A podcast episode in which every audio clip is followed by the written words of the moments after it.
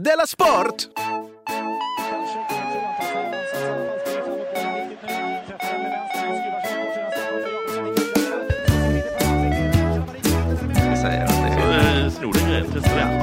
Du lyssnar på Della Sport. Ja, välkommen. Välkommen ska ni vara då till ett helt vanligt Della Sport. Eh, eh, det är alltså en podcast för dig som eh, älskar sport, för dig som hatar sport och för dig som ja, är lite så här, eh, skiter väl i sport, eller det är väl okej. okay. Jag bryr mig inte så hemskt mycket. Idag spelar vi in inför publik på Supporterhuset i Malmö. Vilket är märkligt, när jag kom hit så slog det mig att det är ju inget hus. Eh, Utan det är någon slags falsk marknadsföring att de låtsas att de har ett hus. Det är en helt vanlig butik, eh, skulle jag säga. Supporterbutiken här i Malmö, där det är några tappra själar som dykt upp. Jag heter Simon Chippen Svensson och med mig på plats eh, är idag en vikarie, Johannes Finnlaugsson. Välkommen. Tack. Du ska veta att Della Sport, det är väldigt high concept. Så att det kvittar vem som är med. Allt enligt Jonathan Unge eh, till mig då när han sa att han ställde in. Så, Ja. så sa han, det har väl ingen betydelse om jag eller där eller inte. Det är ju Della Sport. Han, han smsade mig i desperation i förrgår Ja. och var liksom rädd för din vrede Ja. eh, av att han skulle ställa in och inte fixa ersättare. Ja. Sen fixade han mig då som ersättare med lite mutor och sånt. Eh, och sen visade det sig att din vrede blev lite större av att han hade tagit på sig detta ansvaret själv och att du inte fick välja eh, att göra det här själv. ja, min vrede var väl inte att det blev du så mycket som att han trodde att han gjorde mig tjänst. Eh, eh, han vet aldrig hur man gör en tjänst riktigt. Nej. Eh, och så sa han, det här kommer att bli jättebra. Men sen så bad han om ursäkt. Så det, allt, groll, allt groll är inte glömt, men det är lagt åt sidan. Eh, just nu så ligger det långt åt sidan. Eh, det är kanske några nya lyssnare som lyssnar idag tänkte, ja det är kanske några sådana här supporterhusmänniskor som aldrig hört Della Sport. Kanske några lyssnare som hittat till Della Sport-feeden som, är- som gillar dig, Jofi. Det är väl inte omöjligt, va? Nej. Så jag tänkte att jag skulle förklara då att Della Sport, det är Sveriges eh, just nu längst pågående aktiva podcast. Oj, Mm. Det är lite intressant. Och då brukar vi i den här podcasten fråga varandra om det har hänt något sen sist. Och det är egentligen bara som ett knep för att man ska liksom sätta igång. Då tänkte jag låta att du skulle få äran och fråga mig det. ja, Ja. vilken ära. Eh, vad har hänt sen sist? Nej, nu sa du fel. Gud, det har verkligen betydelse vem som är med. Det är alltså... Så concept var det inte. Har det hänt något sen sist? mig. Har det hänt något sen sist, Simon Chippen Svensson? Ja, då är svaret ja. Eh, Har ni någon gång sagt nej och sen bara eh, stängt av podden? ja, Jonathan gör ju jämte. Och då så får man låtsas som att man inte tycker det är något konstigt. Det här är koncept, säger Jonathan. Eh, det, det, det är varmt. Det är varmt idag du. Ja, jävlar ja. Det är väldigt, väldigt varmt. Jag, det slog mig idag att, att det påminner mig om några av de första gångerna jag stod uppade. Så var jag nere på Ribban här i Malmö och det var Robin Paulsson som körde stand-up. Och då hade han ett skämt om hur varmt det var. Mm. Det var någonting om att han hade sett att polisen hade jagat, jag minns, jag minns inte vilket ord han sa, om det var en tjuv. Det kanske han inte sa. En skurk. En skurk. Jag tror inte han sa kulturberikare i alla fall, även om han menade säkert det. Men eh, han sa, eh, vi kan säga, men om vi säger att det var tjuv han sa, för att det blir enkelt. Han sa så, åh vad det är varmt idag, publiken höll med. Åh ja, det är varmt idag. Väldigt, ungefär som idag. Eh, jag såg en polis jaga en tjuv. De gick. Var det här en succé? Det här slog mig var anledningen till att jag slutat med stand-up.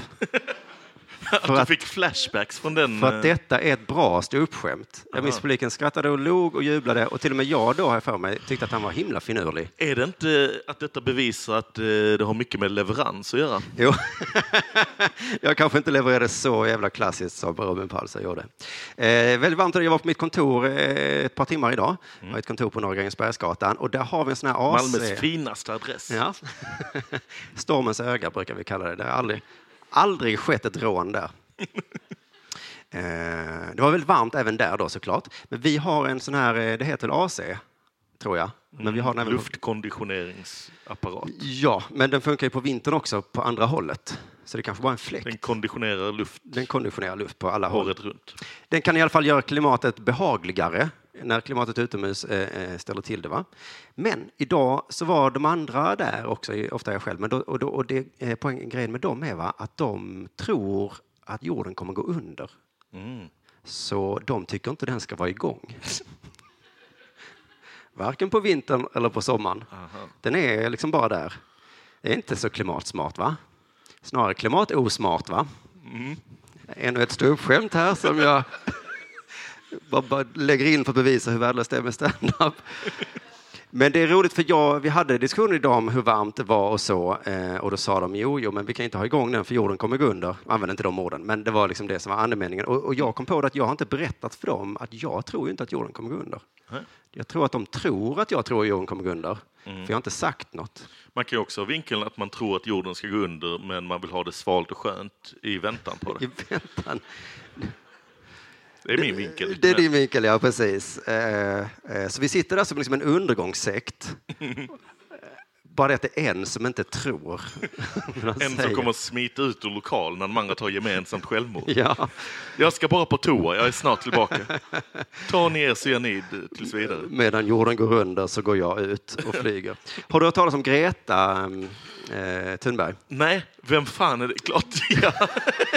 Det är en sån typisk tjej, jag kan säga ifall någon som inte vet vem det är, eh, så himla typisk tjej som hon tar så himla mycket ansvar så man känner att du, du behöver inte göra det här.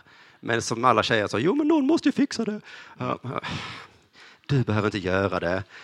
Okej, gör du det då. Eh, hon tror också jorden kommer under då, va? Hon ska till USA nu. ja, just det. Ja.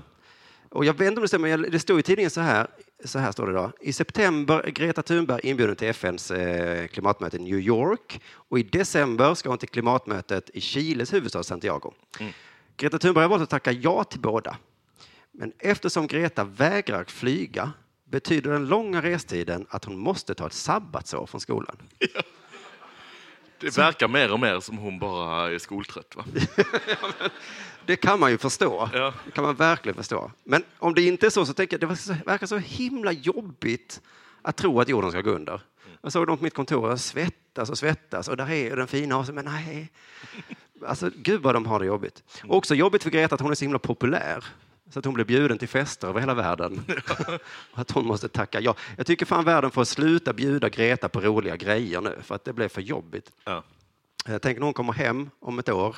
Man frågar, trött efter lång resa, Greta? Ja, det var ett jävla år. Jag tror jag får lägga mig ner lite en stund. Och så plingade mobilen. Hej, vill du komma på klimatmöte i Shanghai? Ja, men vad fan! Mamma, får jag ta ledigt ett år till? Klart du får, Greta. Varför har vi bara en Greta i världen? Eh, Det är inte så klimatsmart. Nej. Vi hade innan Al Gore, Ja, men han flög av bara helvete. ja. Visst gjorde de, Det fick han kritik för. Ja. Det var ju töntigt. Alltså det är ju öppet mål om Greta hade flugit. Men vad fan, det är ju en liten paradox, för det står i artikeln så här också. Hon säger så här, vi har, år 2020 måste vi ha vänt utsläppskurvan. Eh, bla, bla, bla, bla, bla. Och det är ett halvår kvar. Så hon har rätt bråttom. Ja. Flyg då, Greta. ja. Alltså om du på riktigt tror att jorden går under om ett halvår, ta inte bå, eller jag vet inte vad hon ska göra. Då, då, alltså jag fattar att kritikerna får upp ett mål, men det är ändå värt att rädda jorden Ja. genom att flyga. För att det är ganska lätt eh, case att svara på när kritikerna kommer med den. ja. Du flyger ju. Ja, men, eh, lå- låt mig förklara att man sparar rätt mycket tid. Ja, det är väldigt eh, bråttom nu att, att rädda jorden. Så att jag kom på då nu en variant på Robin Paulssons skämt. Eh, Så här är den då. Det är varmt. Det är upplägget. Mm. Jag såg Greta på väg till New York. Hon hade jättebråttom. Hon gick. Det är Okej, va? Ja, verkligen. Hon gick. Det är nog den jag får öva på lite. Hon, hon gick. Gick! Ja, har det hänt dig något sen sist? Då? Eh, ja. Det, är också, det blir en konstig fråga eftersom sen sist är så himla brett för mig eftersom jag aldrig varit med i den här podden innan. Nej, och det var ett tag sedan vi sågs överlag också. Ja, det var det också. Så jag har egentligen, jag har tänkt, eh, jag har tre olika svar på eh, saker som hänt sen sist, som är lite varierande. En eh, som hände nyligen, att jag var, var på en eh, en weekendresa i helgen. Vilken resa i helgen, ja. Det låter Sen rimligt. har jag, har jag en...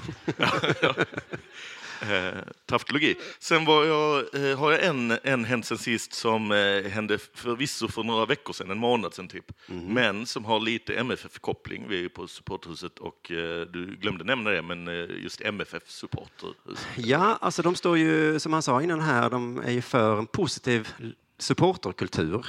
Så jag tolkar det som att kan, vilken, man kan supporta till vad som helst. Men det är mycket eh, ljusblått. Och Just, just den här butiken är det väldigt ljusblått. Ja. Sen vet jag inte om det är, ja, det, är det de menar med positivt. Jag vet inte vad som är positivt annars. Nej. Men så jag, har, jag har en eh, hänt nyligen, en Ja. hänt för ett tag sedan, men med lite... Eh, Kom till sak istället för koppling. att berätta hur länge sedan det var. Och sen har jag också en nyhet. Vilken av dem vill du? Nyheten vill jag Mm. Nyheten. Eh, då är den också sportrelaterad. Lennart Johansson har dött. Åh, ja. Ja. Jag menar inte åh ja, utan, eh, men det var ju på, inte på tiden, men man är inte förvånad. Nej, Nej, det var inte dog plötsligt i en drive-by. Det var det inte. Utan han dog efter korttidssjukdom vid väldigt eh, hög ålder. Ja, okej. Ehm, Efter lång tids levande. Men han är gammal fotbollspamp för de som inte placerar namnet. Eh, fotbollspampen Lennart Johansson, eh, tidigare Uefa och sånt där. Han, eh, han dog, han hyllas eh, idag eh, av kollegor över hela världen. Eh, tills de får sina mutor istället för att hylla Sepp Blatter. det är så det funkar med honom. Ehm, och sen har jag tänkt en grej, att han var ju, eh, han jobbar för Uefa och sånt och var vice ordförande för Fifa och så. Ja. Men han var också väldigt, han höll på AIK i Sverige. Ja. Jobbar han med dem också, vet man det? jag tror han kanske har gjort det, men han är nära kopplad Eller han bara till AIK i alla fall. hejar? Ingen aning. Okej. Men jag tycker i alla fall att en bra, en bra hyllning till honom nu när han har dött Mm. och till hans supporterskap för AIK är att jag tycker att AIK kan få eh, ta hand om eh, Lennart Johanssons urna. Jaså? Liksom som kompensation för att vi i Malmö kommer sno hans pokal. Ja. Ja. Bra. Nu, nu har du publiken med dig Jag tänkte jag slänga in ett sånt smörande. och de, de flesta lyssnarna också. Mm. Antagligen. Mm. Ja, eh, men sen har jag också då, jag har varit i, eh, i Berlin i helgen. Och då reste jag faktiskt med en eh, gemensam polare, Ola Söderholm. Ja, han tror ju också att jorden ska gå under. Ja. Ja. Han på riktigt åkte ner på den här väldigt korta eh, weekendresan. Eh, han åkte buss Han gjorde det, ja. Han för att som, det var klimatsmartast. det var smart. Jag flög. Mm, för det var, för det, var, det var smart på ett annat sätt. Ja, men det var ju dumt av honom att be mig hänga med Det, var, och bara sabba hans klimatkompensation omedelbart. det, Liksom. var, det var inte smart. Nej, det var jävla dumt. Att han bara säger jag tar bussen och sen så säger till att olika flygapparater startar samtidigt med olika folk som en, eh, annars inte hade tänkt åka Det är dit. som att Greta skulle be dig följa med till New York. Jag flyger dit. Självklart Greta. Eh, Jag kallar ju Ola Greta Thunberg den äldre. Ja, det är roligt. Ja. eh, Lite är den. Men där noterar jag också en liten sportrelaterad grej. Jag var och så, det finns, jag vet inte om du, du kan din historia, men Tyskland, de hade en del nazism. Va? Ja, Back ja. in the day. Eh, Det är tyska, Även idag va? kanske. Nazist, det är tyskt ord. Ja, det är nog. Mm. Nationalsocialist. Eh, förkortning. Eh, lite så. Som dagis och så. Eh, nej, men de, så, så är det ju, eh, de har ju liksom, eh, det är lite klurigt för Tyskland, för de måste ta sig an denna liksom, och be om ursäkt väldigt mycket Mm. för det som hänt. Eh, och liksom... Eh, Så som Ola får göra sen när jorden inte går under. Måste han också be om ursäkt. Förlåt att jag hetsar upp en sån Ja. stämning att allt skulle... Men då blir det lite konstigt för att de, de tar liksom så här, de tar smällarna, de, de eh, vet att de gjort fel, de ber om ursäkt. Men ibland kan de inte låta bli att... att eh, exemplet här är att det var en sån eh, utställning om nazismens fasor som var så här, eh, den, är, den heter Topografi de terror, den är liksom på offentlig plats i Berlin, det är gratis. Det är en lång vägg med liksom tidningsutklipp, bilder från kriget och eh, så står det fakta om så olika människor och vad, som hände. Och allt detta i kronologisk ordning. Just så det. man kan gå där. Det är en bra tips om, eh, till alla som har varit otrogna och det kommit fram. Mm. Om man ska be om ursäkt så gör man en hel vägg hemma. Med kronologisk ordning. Ja, här första smset. Förlåt, här ligger vi med varandra. Mm. Sen var det intressant att vi bara eh, råkade gå förbi den här när vi var på väg till en annan annat ställe. Så vi kom från fel håll och gick då detta baklänges. Ja, ja. Så att då blev det att vi gick och såg hur judehatet deskalerade. att det började med förintelsen och sånt va? Samla ihop familjer och utrota dem och så. Sen, sen blev det liksom att de blev av med sina jobb. Och sen blev det att lite klotter på deras butik. Eh, Så, Det här så är var väl lite ingenting. Konstig, lite konstig ordning. Eh, Men man fattar, okej, vi går åt fel håll. Men den, den intressanta grejen var också att de hade då en eh, bild från eh, eh, OS i Berlin eh, 36. Ja. Eh, Hitler blev perplex då, va? är det ett rim från en... eh, Hoola Bandoola-låten. Han fick så mycket reklam att han nästan blev perplex. Just det, ja. Just det. I Stoppa matchen. Ja, just det. Just det. Eh, Men ja, OS 36 då, det skulle ju vara liksom, tyskarna skulle visa upp sin fina nazism och så och dominera och sen kom Jesse Owens och sabba festen lite för dem Ah. genom att vara en svart amerikan Ah. och, vinna allt möjligt. Så var det under den här utställningen en bild på Jesse Owens med någon silvermedaljör som man inte minns namnet på och så stod texten så här eh, under OS 36 så vann Jesse Owens flera grenar. Adolf Hitler gratulerade inte vinnaren, men det berodde inte på rasism som många har påstått, utan att det var mot regelverket. Och då tänker man så, det är kanske rätt i sak, men lite onödig grej att påpeka. Att så här, fan trist att alla anklagar Hitler för att han följde ju bara reglerna. Va? Gjorde mycket, kan man mycket. säga om Ja. Adolf Hitler, men någon rasist, det var han minsann inte. Inte just i det här fallet i alla fall. Här var han bara... Eller så är det att de tar sitt ansvar och, Mm. och känner den här skammen för att det är mer skamligt för en tysk att liksom inte följa regelverket. att det, hade, men nu följde han regelverket, så det funkar inte riktigt. Men eh, det var en konstig, det, var, det gjorde jag i helgen, det har hänt sen sist. Ja, vad spännande. Då tror jag att det är dags för det här.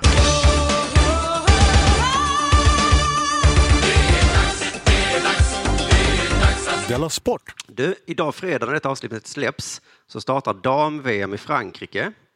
Alltså vem som är bäst på att vara dam. Jag lägger in många sådana skämt för att flörta med dig som du håller på med stand-up. Jag håller ju på med bra standup, Ja, jag förstår det. inte. det finns olika genrer. Jag Eh, minns lite varför du slutade. Ja. Damfotbolls-VM, tror jag det kallas. I onsdags då eh, så åkte laget till Frankrike. Men redan i tisdags åkte landslagets ledarstab dit. Och i den staben ingår en person som heter Dick Broström. Har du hört talas om Dick Broström? Eh, nej, det kan jag inte minnas. Nej, han är väldigt viktig för landslaget. Va? För I Aftonbladet står det så här. En av uppgifterna för honom inför spelarnas ankomst är att checka av köket ordentligt på Hotell Mercure Rennes Centre de Gare. Så han kommer alltså komma till hotellet eh, ett par dagar innan, gå in i köket, checka av. Han litar inte på hotellets kök, att det är rent. Han litar inte på eh, lokala hälsovårdsmyndigheter. Nej, han gör sitt jobb så jävla grundligt. Va? Och man kan tro att det här är då ren rutin, då, att de är supernojiga för magsjuka och sånt, liksom, såklart, för det får ingen bli sjuk. Att de alltid gör så. Men det är en extra anledning denna gången. Det står så här, detta efter vinterns tyska varning. Den kom efter tyska laget bodde på hotellet i samband med landskamp mot Frankrike och spelare i tyska laget blev sjuka när de var på hotellet. Oj. Så då höjde de ett varningens finger. Mm. Varför väljer man det hotellet då? Vi blev sjuka här, så ni vet. Ja, ja, det är lugnt. Vi har Dick. Han checkar av. Jag kollade upp hotellet på hotels.com eh, för att se vad det var för ett ställe då. Det låg centralt vid, precis vid stationen. Tre recensioner, två var ganska korta, så bra hotell, åtta av tio. Men en var så här. There is a nightclub close by. And noise during the night was absolutely horrible until 6 a.m. in the morning. The hotel is located close to, located close to a rundown shopping center and housing projects, so it does not feel safe. the building is grey concrete, but inside it's clean. Uh, breakfast was middle of the road. Scrambled egg tasted horrible. And the bacon did not exist. Varför måste de välja just det hotellet? Det är konstigt att de har den här rutinen för någon att checka av köket, men Mm. inte... Han har inte den makten att göra det innan de bokar hotell. Nej, precis. Nu blev det det här, Dick. Åh, får jag ju åka ner två dagar innan. Och, och styra upp köket som jag var någon jävla Gordon Ramsay. det är antagligen så. På riktigt kan jag verkligen tänka mig det. Men man frågar sig, hur fick de reda på att tyskarna blev sjuka? Eh, då berättar landslagschefen hur det gick till. Eh, det är då tyskarnas koordinator, som de har då, eh, kontaktade vår koordinator. Ja, alla lag har en koordinator. Eh, det var väldigt schysst. Det var det ju. De visste att vi skulle bo där. Vi skulle egentligen bo på samma hotell som det tyska landslaget. Men sen såg Fifa till att vi fick ett eget hotell. Så att det är Fifa på något sätt som har eh, av någon anledning då flyttat på svenskarna. Det där magsjukehotellet nära en nattklubb. Det är nu när han har dött. Eh, så är det fan. Just det, så har Sverige ingen röst där, utan de Nej. bara får skit. Just det, nu ska ni fan bo där. Men då är tur att vi har Dick Broström i alla fall, för Dick är landslags egna kock. Men då frågar man sig, eh, kan Dick bara gå in och liksom börja jobba i hotellets kök? Fungerar så? Det måste väl, eller de måste ju ha en egen kock, hotellet, Man tycker det. och säkert andra De gäster. har ju ingen existerande bacon. Förvisso. Nej, det kan ju vara att de inte har någon kock. Eh, Precis. Var är baconen? Ja, det finns inte. Var är kocken? Ja, ingen aning. Eh, I alla fall, nej, men det står så här då. Dick Broström kommer se till att de svenska spelarna får den kost de behöver för att prestera och inte bli sjuka. Så han kommer se till att de får den kosten, inte nödvändigtvis laga den kanske. Okej. Utan han kan vara i köket där och... Ja, Dick får berätta själv då. Han säger så här, när vi går in i köket så säkrar vi upp, ser varifrån grejerna kommer. Vi luktar och smakar på allt. Blir man avundsjuk på Dicks jobb? Det blir man inte va? Det beror på eh, hur... Hade han varit på bättre hotell hade man kanske blivit det. Men nu när han är på ett sånt skithotell och måste äta deras äckliga jävla scrambled eggs. Hans jobb är alltså att lukta på mat. Ah, fan, vilket jävla ansvar. Nu är Kosse magsjuk. Dick, luktar du inte på maten? Ja, Dick, du har ett jobb. Du måste lukta nu. Så var de än äter, på flygplanet dit kanske, restauranger, korvkiosker, så går han in i köket. Hallå, hallå. Jag ska bara lukta på majonnäsen här. Men Dick säger också så här. Vi vill jobba med fräscha grejer utan tillsatser och laga maten från grunden så att vi vet vad det är i. Mm, det låter väl som en väldigt basic kockkunskap, att ha fräscha grejer. Eh, jag vet inte hur andra kockar tänker, men det är kanske inte lika viktigt som för Dick då, att, att han går in i köket och frågar om äggsen är fräscha. Eh, och sen säger han också så här, eh, när det gäller hygienen har vi med handsprit. Vi jobbar alltid med handskar och byter handskar för varje livsmedel. Det brukar inte vara så vanligt i andra länder där man tvättar händerna. Så han kommer till Frankrike och bara, alltså, ni tvättar bara händerna? Ohohoho. Vi har handsprit och handskar. En konstig figur denna. Ja, han har, finns det fler steg att gå? Kan man toppa, toppa Dick? Jag vet inte. Har du bara handskar och handsprit? Har du inte gasmask på dig? Det är livsfarligt att lukta på scrambled eggs utan gasmask. Jag har rymddräkt. eh, men det verkar som Dick tar på något sätt anställning på hotellet eh, i alla fall. För det står så här, VM blir inte direkt någon semester för Dick Broström. Nej, det är väl inte så konstigt. Eh, han ska jobba. Som dagligen kommer jobba mellan 7 till 23 varje dag. Helt Jag tror detta bara är en, en kille som är glad i mat. Gillar liksom tapas-grejen, att bara få smaka lite olika grejer. Ja. För att det känns lite som när han säger eh, att den här frasen, eh, det är ingen semester, eller vad det nu var. Ja. Att, eh, det känns som något han har slängt in. Ja. Så det är verkligen ingen semester. Att, att Utan jag jobb, att, att gå runt och äta mat Nej. i olika länder. Den här camemberten du tog med mig att äta, det är alltså jobb, ska du veta. Sen har han också två anställda i hotellköken på respektive spelplats ska hjälpa honom med maten. Så han har liksom två lokala fransmän på något sätt.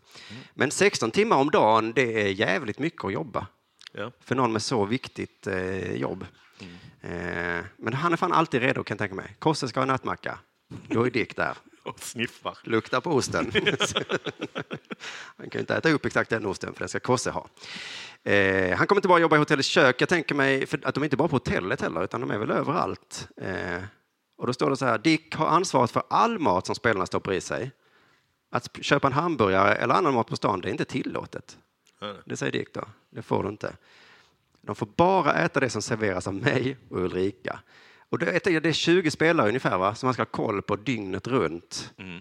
Han går runt där. Ah, Caroline Seger, vad fan är det där? En banan, var har du fått den ifrån? Jag kände lukten på långt håll. Jag kände lukten genom fyra hotellrum. Han bara vaknar. en, Han har så himla stark, eh, stark luktsinne. en oluktad banan går inte honom förbi. Men i alla fall, då, alltså också när de är utanför då på något sätt, då skickar vi med dem något att äta. Jag är som en säkerhetsgrej mellan spelarna och hotellet. Jag är som en säkerhetsgrej. Jävla metafor. Vad är du som? Jag är som en säkerhetsgrej. Ja, ja. Han säger själv då att det är ett jädra ansvar. Det sista jag vill är att någon ska bli sjuk. Ja, det fattar jag. Det, är, det, det är hans enda jobb. Eh, ingen får fan bli sjuk.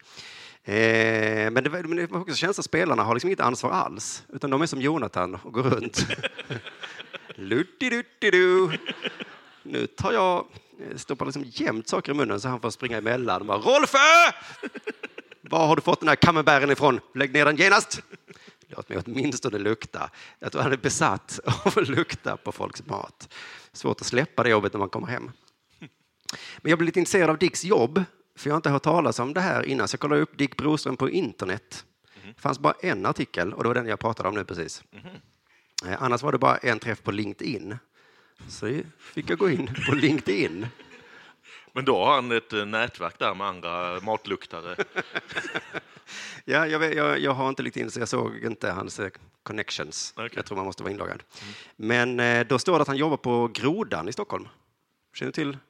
Det låter som en restaurang. Det är en restaurang, ja. Precis. En väldigt fin restaurang på Östermalm. Vi delade åt där för ett par veckor sedan. Eh, det är min spaning om Stockholm, att allt låter så barnsligt där. För det här är en sån superfin restaurang. Så det låter som en dagisavdelning. Att det är alltid så där. Vi ses i Hallonberget. Ja, Ja. det är töntigt. Och så äter vi på Bumbibjörnen. Det är en superfin restaurang. Eh, Grodan i alla fall. Men är han kock där tror man då? Nej, han är då Food and Beverage Controller. Så att han är alltså precis det han gör i VM. Ja. Vad fan är det för jobb undrar man? Men det har han ju beskrivit i hela artikeln. Jo, men man fattar ju för ett landslag. Nej, men, Men på en restaurang kan väl kocken ha det ansvaret?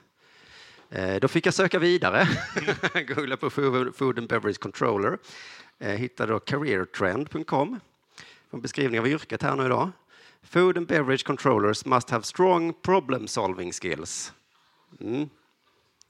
Om tomaten luktar illa, då måste man lösa det. Ja. Kan jag skära bort här- en bit kanske? karatesparkar bort bananer ur folks händer. Ja.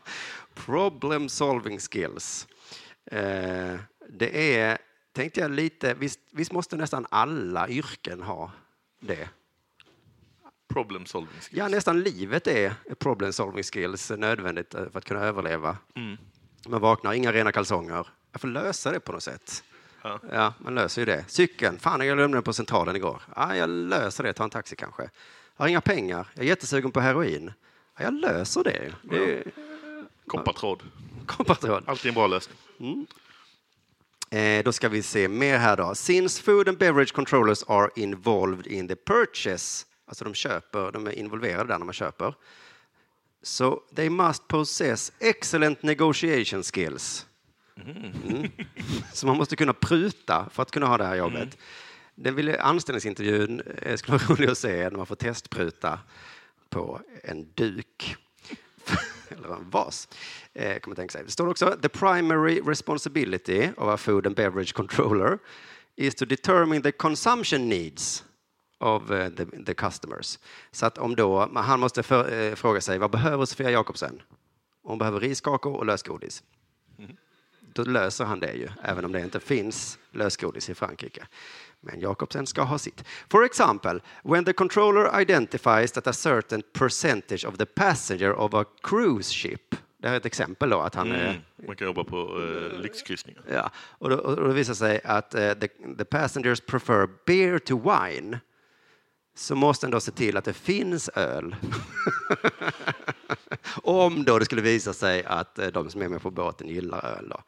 Så det kanske inte passar in eh, på Dick så mycket här nu i landslaget. Om inte Caroline Seger och Kossa älskar vin just då, då måste han ju se till att det finns. Mm. Det är ganska enkelt, tänker jag. Eh, eh, eh, eh, just det. Food and beverage controllers also consult with the chefs, kock, betyder det, mm. to ensure that there is enough food. Så det är också, det låter som ett hyfsat enkelt jobb Ja. och lite störigt. Att det finns en kock. Jag tror inte han är den populäraste i köket. Eh, hur går det med eh, huvudrätterna? Men är det tillräckligt med mat där nu? Står han och tjatar om. Så jag bara tänkte sen när vi hyllar landslaget sen i sommar, får vi inte glömma Dick Broström, för att han har gjort minst, han jobbar väl för fan hårdast i landslaget. Då tänkte jag att eh, jag skulle prata om en grej just eftersom vi är här på, eh, på supporterhuset i Malmö. Och eh, det är nog många MFF-supportrar i publiken, även om det är för alla möjliga supportrar i detta huset kanske. Ehm, så tänkte jag då ta upp en grej som är en, eh, en brinnande debatt bland Malmö-supportrar. Eh, och inte då den brinnande tråkiga debatten bengaler. Nej, den, eh, det, det är den enda jag känner till tror jag. den är vi överens om att Men det det är är roliga i supportervärlden så pågår det alltid debatter inom lagets egna supportrar. Ja. Eh, och så, är aldrig eh, Nej, överens. nej. Det är, men det är en debatt kring en, eh, en ramsa, eller en sång, Jaha. eh, som vissa i publiken kanske anar vilken är, verkar det som. Eh, Det är en låt... Men debatten pågår liksom inte samtidigt som man sjunger den. Det vet inte om folk liksom... Det, det är svårt att göra det till melodin. För då måste man improvisera fram sina argument så att det matchar metern. Det är svårt. Nej, men det är en, en sång som eh, hyllar Malmö, som alla eh, sånger på läktaren gör. Men denna gör den till melodin av I believe I can fly Ja, av artisten R. Kelly. aha. Och då är det en annan debatt då som... Eh, En annan debatt som smyger sig in, Ja. så att säga.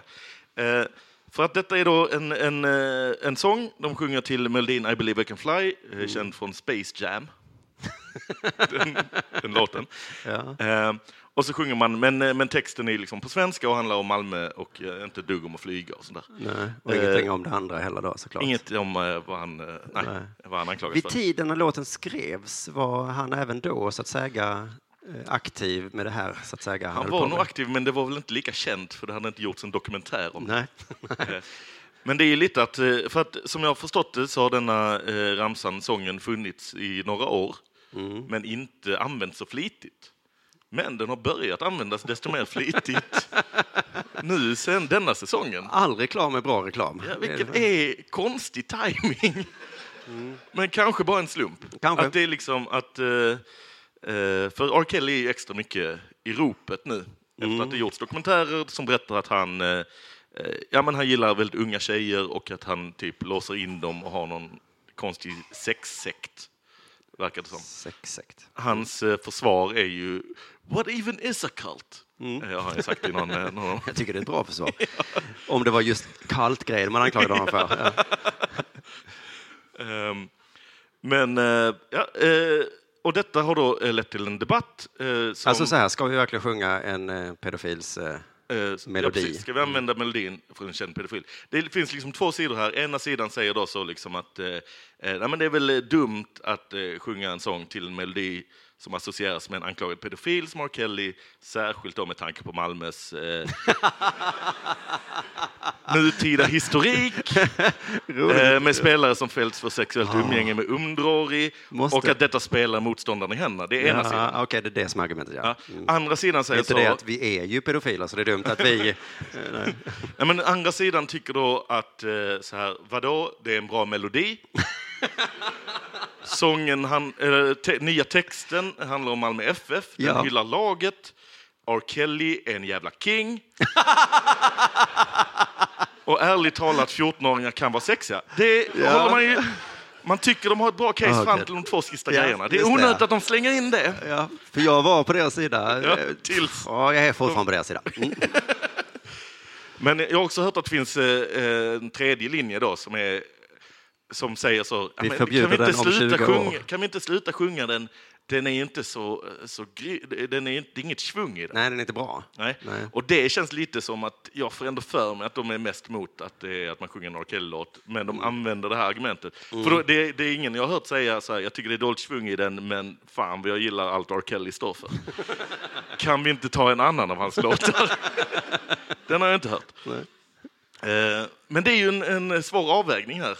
Eh, om man liksom ska eh, liksom, eh, störas för mycket av, av vad en artist har gjort. Ja, jag tycker det privata- bästa argumentet i, i den här eh, debatten kommer upp på i olika eh, tillfällen med Mm. ungefär samma tema. Jag tycker bästa argumentet är det är väl lite onödigt bara. Ja, det är ju lite dumt. Folk det menar att man. Mm. man ger eh, motståndarsupportrar lite bränsle att, eh, att kunna jävlas med Malmö. Liksom. Eh, Men det är ju alltid en svår fråga, med, det har aktualiserats med Michael Jackson och allt sånt här. Kan man förlåta, eller kan man fortsätta lyssna på någons musik fast de har gjort sig skyldiga till fruktansvärda eh, saker i sitt privatliv? Eh, Och då är det ju alltid avhängigt på hur bra musik de gör. Ja. Det är ju väldigt viktigt. Alltså Billie Jean, ja. ja men det, det, var- får Anton Glanzelius ta. Att han, Det var ett starkt Mr Cool-argument där. Det är inte ens bra, var det många som Ja, sa. just det. Många kör den vinkeln. Ja. Eh, men det är därför liksom, eh, detta är inte bara musik, utan all konstutövning blir ju så här att man väger hur bra grejer de gör med hur fruktansvärda grejer de eh, är skyldiga till eller anklagats för. Det är därför liksom, Hitlers illdåd blir än värre, för att han var så kass konstnär. Hade han i alla fall varit bra på att måla så hade han ju haft något i alla fall. Ja. Eh, Men det är frågan då, liksom, vissa så här slutar ju lyssna på låtar så, eh, av princip. Och då är det lite att man frågar sig så, blir musik sämre av att upphovsmannen liksom gör vidriga sexuella grejer? Och då kan man då fråga sig motsatsen, liksom att testa detta. Att blir, då, då borde ju musik också bli bättre Ja. av att upphovsmannen är reko. Att det är en sån riktig helyllekille. Och då Klassiskt. testar man det så. Man, man tänker så. Eh, jag har bara läst så här, om Thomas Ledin, att han är hyvens. Va? Han har bott ihop med samma kvinna, de har varit gifta jättelänge, han är trogen henne, de älskar varandra. Inga oegentligheter, inga suspekta sexuella grejer. Blir hans musik bättre? Nej, Nej. den är ändå kass. Ja. Alltså går det inte att göra den kopplingen. Nej, det har du bevisat här med akademiska termer. Mm. Jag kan slänga in hegemoni också. Ja. Eh, Jag har läst mediekommunikation en gång. Eh, Habermas. Eh, skitsamma. Eh, nej, men så här, eh, och då är det en fråga. Jag vill inte lägga mig i debatten här. Eh, alltså jag bara tänker, får, man får väl välja själv. Det finns olika kontroversiella ramsor också som tidigare varit uppe i MFF. Eh, den, den berömda runkramsan. Ja, ja, ja. Du känner till den? Som innehåller raden eh, varje gång vi tar poäng runkar vi till fotbollskväll. Ja. Har inte jobbat jättehårt med rimmet, men det Nej. är ändå eh, nära nog. Liksom. Eh, och den eh, kanske man inte vill sjunga med i eh, om man inte vill stötta public service.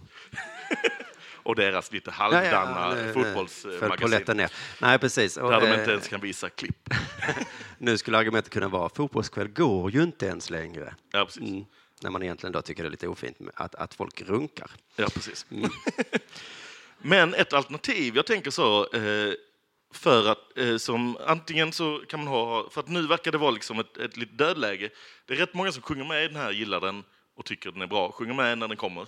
Eh, andra då ogillar den och de kan liksom inte göra så mycket mer än att inte sjunga med. Liksom. Den kommer ju ändå höras. Liksom. Så att, men då finns det liksom ett tredje alternativ som kanske skulle vara liksom, hur Malmö kan ta tag i detta, Malmö FF, som, Som är att bara liksom, eh, äga detta fullt ut. Att liksom skit, för då kan ju inte motståndarlagen, om de slänger på så här, era spelare är pedofiler, om man är så bara, ja vadå då? om det är så att man bara tar det fullt ut och då får man göra det, då sjunger man liksom, då tar man R. Kelly, alla R. Kellys melodier. Man och tar tillbaka ordet pedofil. Ja, man tar tillbaka Mm, mm. liksom anklagelserna. Jag äger pedofilin. Ja, Att liksom vi är, Malmö är som R. Kelly för att vi bara pissar på alla er andra. Eh, eh, den fick jag av min, eh, min kollega och MFF-supporter Arman Reinsson förut. Den är, han hade den idén. Men då får man också göra om olika ramsor, som den här varje gång vi tar poängramsan. Ja. Så, varje gång vi tar poäng runkar nej. vi till fjortisgäng. Nej.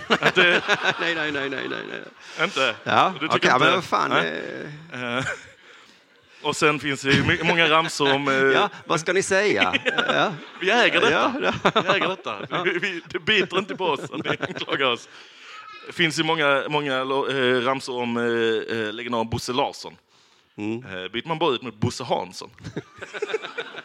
han gamla...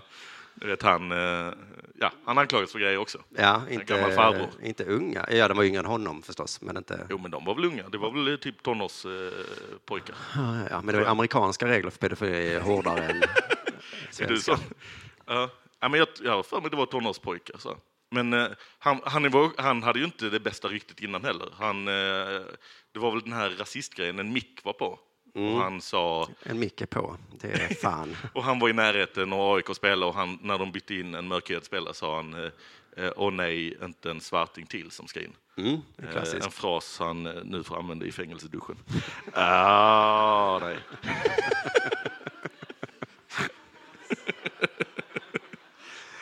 Det är den nivån jag tar er på. till. Ehm, och sen får man, och så sjunger man I believe I can fly-låten, Ja. men byter ut texten till något som äger. I believe Albornoz.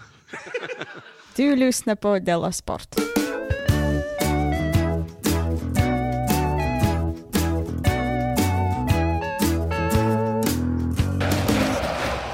Damfotboll, Mm. eh, det är lite orättvist behandlat va? Jaså? Det är pengar, sponsorer, intresse. Man litar av allt det. Ja. Ja. Taskigt. Planer, de är inte så bra. Uppmärksamhet, det är kanske mest pengar, men det är inte rättvist på något sätt i alla fall. Det vet man. Nu har Sydsvenskan hittat ännu en orättvisa som drabbar damfotbollen. Och det är VM-låten. Mhm. Det är något med den. Är den inte lika kass som de ska vara? Så jag vet inte, vi får se vad anklagelsen är efterhand här nu, men det är något som är orättvist. Eh, ska vi se, för det är Fredrik Lindstrand då, i Sydsvenskan som fick ett samtal med förbundets marknadschef Mikael Giffer. Och han och Mikael förklarar upplägget till eh, låten, gissar jag. Idén föddes under våren. Vi har testat lite olika spår och pratat med en hel del i laget. och, och tänkte att vi skulle göra det på ett annat sätt, säger han. Annat sätt än eh, gängse göra en eh, VM-lott. Ja, sättet. jag vet inte riktigt vad han menar. Upplägget är i alla fall något helt annat. Eh, Fredrik frågar då, det här upplägget presenterades sent. Går ni inte miste om exponering? Jag tror att han antyder att de medvetet väntat med att släppa låten för att få så lite uppmärksamhet som möjligt. Att så kan de vara så genuint onda, till och med inne på förbundet, att de tänker, Att de fan, har haft den här låten färdig ett bra tag ja, och sen bara inte släpper den. Nej, vi släpper inte den. Men inte enligt då Mikael Giffer. Han säger så här, släpper man den för tidigt så kan, de, kan låten spela ut sin roll lite grann. Det beror ju på hur dålig låten är. Eh, eller hur bra Och den också är. det, det är väl mycket till om den ska vara en sån jävla dunderhit så att radiokanaler börjar spela den innan VM. Och att liksom eh, alla är trötta på den. Ja, än så länge har inte Fredrik så, så stort case tycker jag. Eh, utan det är mer bara antydningar. Sen ställer han en klassisk sportfråga, det vill säga det är inte en fråga utan ett påstående. Eh, som han sen då tystnar och väntar på ett svar. Eh, damerna får tre relativt okända artister. Herrarna fick senast Gyllene Tider. Ett av Sveriges populäraste band någonsin. Det var ett frågetecken efter den Ja. meningen. Okej. Ja, Att Han vill att han ska definiera, är Gyllene Tider ett av... Eh, ja antingen är det det då, eller så är frågan varför är det så att dam-VM-låten gör tre helt okända artister. vilka är de här tre helt okända artisterna? Eh, Det kan ju vara så, jag ska, de står längst ner i mitt dokument här, jag får säga det snart. Eh, Är det eh, alla Gyllene Tider utom Per Gessle? Nej, det är tre tjejer. Aha. Eh, Så det kan vara Fredriks misogyni som gör att han inte känner till artisterna. Nej, precis. De kan vara superkända. Ja, han lyssnar bara på killgrupper. Det är Icona Pop och Sara Larsson. Ja, det sa Larsson. Han bara, vad är det här för jävla brudar? Uh, Giffer svarar på påståendet eh, som då var de för okända artister och de andra fick Gyllene. Eh, det är olika. Förra gången, EM 2017, hade vi Albin Jonsén som är mellankänd. Ibland är det kul att lyfta fram mindre kända. Det behöver inte alltid vara superkända. Så att de, de tre som sjunger nu är alltså mindre kända än Ja. En Al- An- Albin Jonsén. Albin Jonsson. Ja, de är mindre kända. Jag vågar inte uttala mig hur de är kända eller inte, för jag är rädd för att jag då ska vara en kvinnohatare. Men det är Sabina Värme, Julia Kedhammar och Lydia Skog. Mm. Du hatar också kvinnor då, ser jag. Mer kända som First Aid Kit. Eh, Men de testar olika saker här, det tycker jag är intressant. Jag skulle inte säga att de är mindre kända än Albin... Albin Jonsén. Jonsén. Nej, de är väl, han var ju mellankänd ändå, får man säga. De här är kanske också mellankända då. Eh, Men det tycker jag är intressant att de testar olika saker. Ibland testar de kända artister, som Gyllene Tider. Ibland mellankända. Och nu okända. Men jag vet inte hur det ska gå. Det kanske blir bra. Och nu kommer knäckfrågan så här. Kommer herrarna köra ett sånt här upplägg eh, EM 2020 också? Eh, insinuationen är insinuationen är att så hade det fan inte gått till om det var killar som spelar VM. Nej. Och det kan Har man, man alltid en officiell, eller är det... Ja, Okej. det har det varit sedan eh, Brasilien-VM. Ja, ja. Mm. Men även tid, eller vilket Brasilien var det? Det är för länge sedan då. Ja, det är innan Italien 90. Eh, Nej, men för ännu För att. Italien 90 hade vi after shave, Galenskaparna After Shave Mm. med Ciao Ciao Italia. Den kändes ju som den var officiell. Det var det nog, ja. Ja. Mm. Eh, damerna har haft det sedan 50-talet. Oj. Så, så till och med de, alltså så där, det har funnits hur länge som helst. Eh, så kommer då herrarna också få tre helt okända artister. Då svarar Giffer, eh, det har vi inte diskuterat än. För det måste vi såklart diskutera först. Vilket upplägg ska vi ha? Ska vi ha en känd artist eller? Ska vi ha vem som helst kanske som ska göra Vi det? har eh, Håkan Hellström vill gärna göra en låt, men eh, vad sägs om att skippa det och ta tre helt okända? Jag tänker det här konceptet, säger Giffer. Sabina Värme. Eh, men sen säger jag något som är intressant och som förklarar lite hur det här konceptet har gått till. Och det, det är inte förbundets fel, visar det sig. Även om det är såklart orättvist att dam-VM får tre helt okända artister. Då är det dels så att artisterna får inte betalt, eh, att man gör det för att det är kul. Och då får man ju lite vem som helst, särskilt när det är en tjejartist. Eller hur? Eh, är det något jag vet om tjejer i artistvärlden så är det att de är bra på att ta betalt. Ja, För de är så himla rädda för att bli lurade så de tar alltid mycket mer betalt än just alla det. andra. När de inte får betalt så blir det en eh, artikel. Ja. Det var någon så Håkan Hellström eh, supportband eh, där det blev Mm. rabalder för hon hade inte fått så bra betalt. Nej, just det. Håkan tjänade betydligt mer. Ja, där ser man. Eh, men också säger Mikael Iffe att det är vanligast att artisterna hör av sig själva till förbundet om att göra mästerskapslåtar. Mm. Eh, så Gyllene Tider hörde av sig till, till dem till exempel och sa tjena, vi gör gärna en låt Mm. gratis. Så då är det ju inte förbundets fel utan det är snarare artisternas fel. Mm. Och som vanligt då tjejernas eget fel. Var är Sara Larsson? Ja, Mm. det skulle väl eh, vara acceptabelt med manliga artister också som eh, hör av sig och sjunger om... Ja, men det är ju inte acceptabelt. Göra en låt i Huawei går bra, va? Men att göra en låt i fotbolls-VM, nej. Så sluta anklaga förbundet det är väl bara det sista jag vill säga, att det kunde Fredrik eh, gott ringt någon artist istället för stackars Mikael Giffer här som bara, det var det enda han hade. Eh, Lydia, Lydia Julia Är Sabina. den här eh, är låten bra? Har den släppts? Eh, de finns på Youtube och de var, det var tre låtar till och med. Oj, Ja. vad heter De hon? kompenserade. Eh, jag tror jag stannar kvar, sjunger Sabina Värme. Det handlar om att hon som supporter åker dit och Det bara... här är det tre olika, alltså de har gjort varsin låt. Ja, Oj, då, är det ju, då hade de kunnat köra vinkeln, men vadå, herrarna får bara en låt. ja, De här får tre. ja. Men de är väl bra då? ja, men Jag är, tror jag stannar kvar, heter den ena. eh, starka, stolta, underbara. Och en heter Enade. Den tror jag var eh, en riktig sån fotbollslåt. Jag De- tror det kan vara det roliga att de tre skulle göra en låt. Och sen kom de inte överens. Nej. Gjorde varsin. Och det ironiska att en av låtarna heter Enade. Så var det alldeles säkert. Då skulle jag tacka eh, ni som kom hit och tittade idag. Tack så mycket för det och tack till alla som har lyssnat. Vi hörs igen eh, nästa vecka helt enkelt. Tack så mycket. Tack, hej. Hej! Du lyssnar på Della Sport.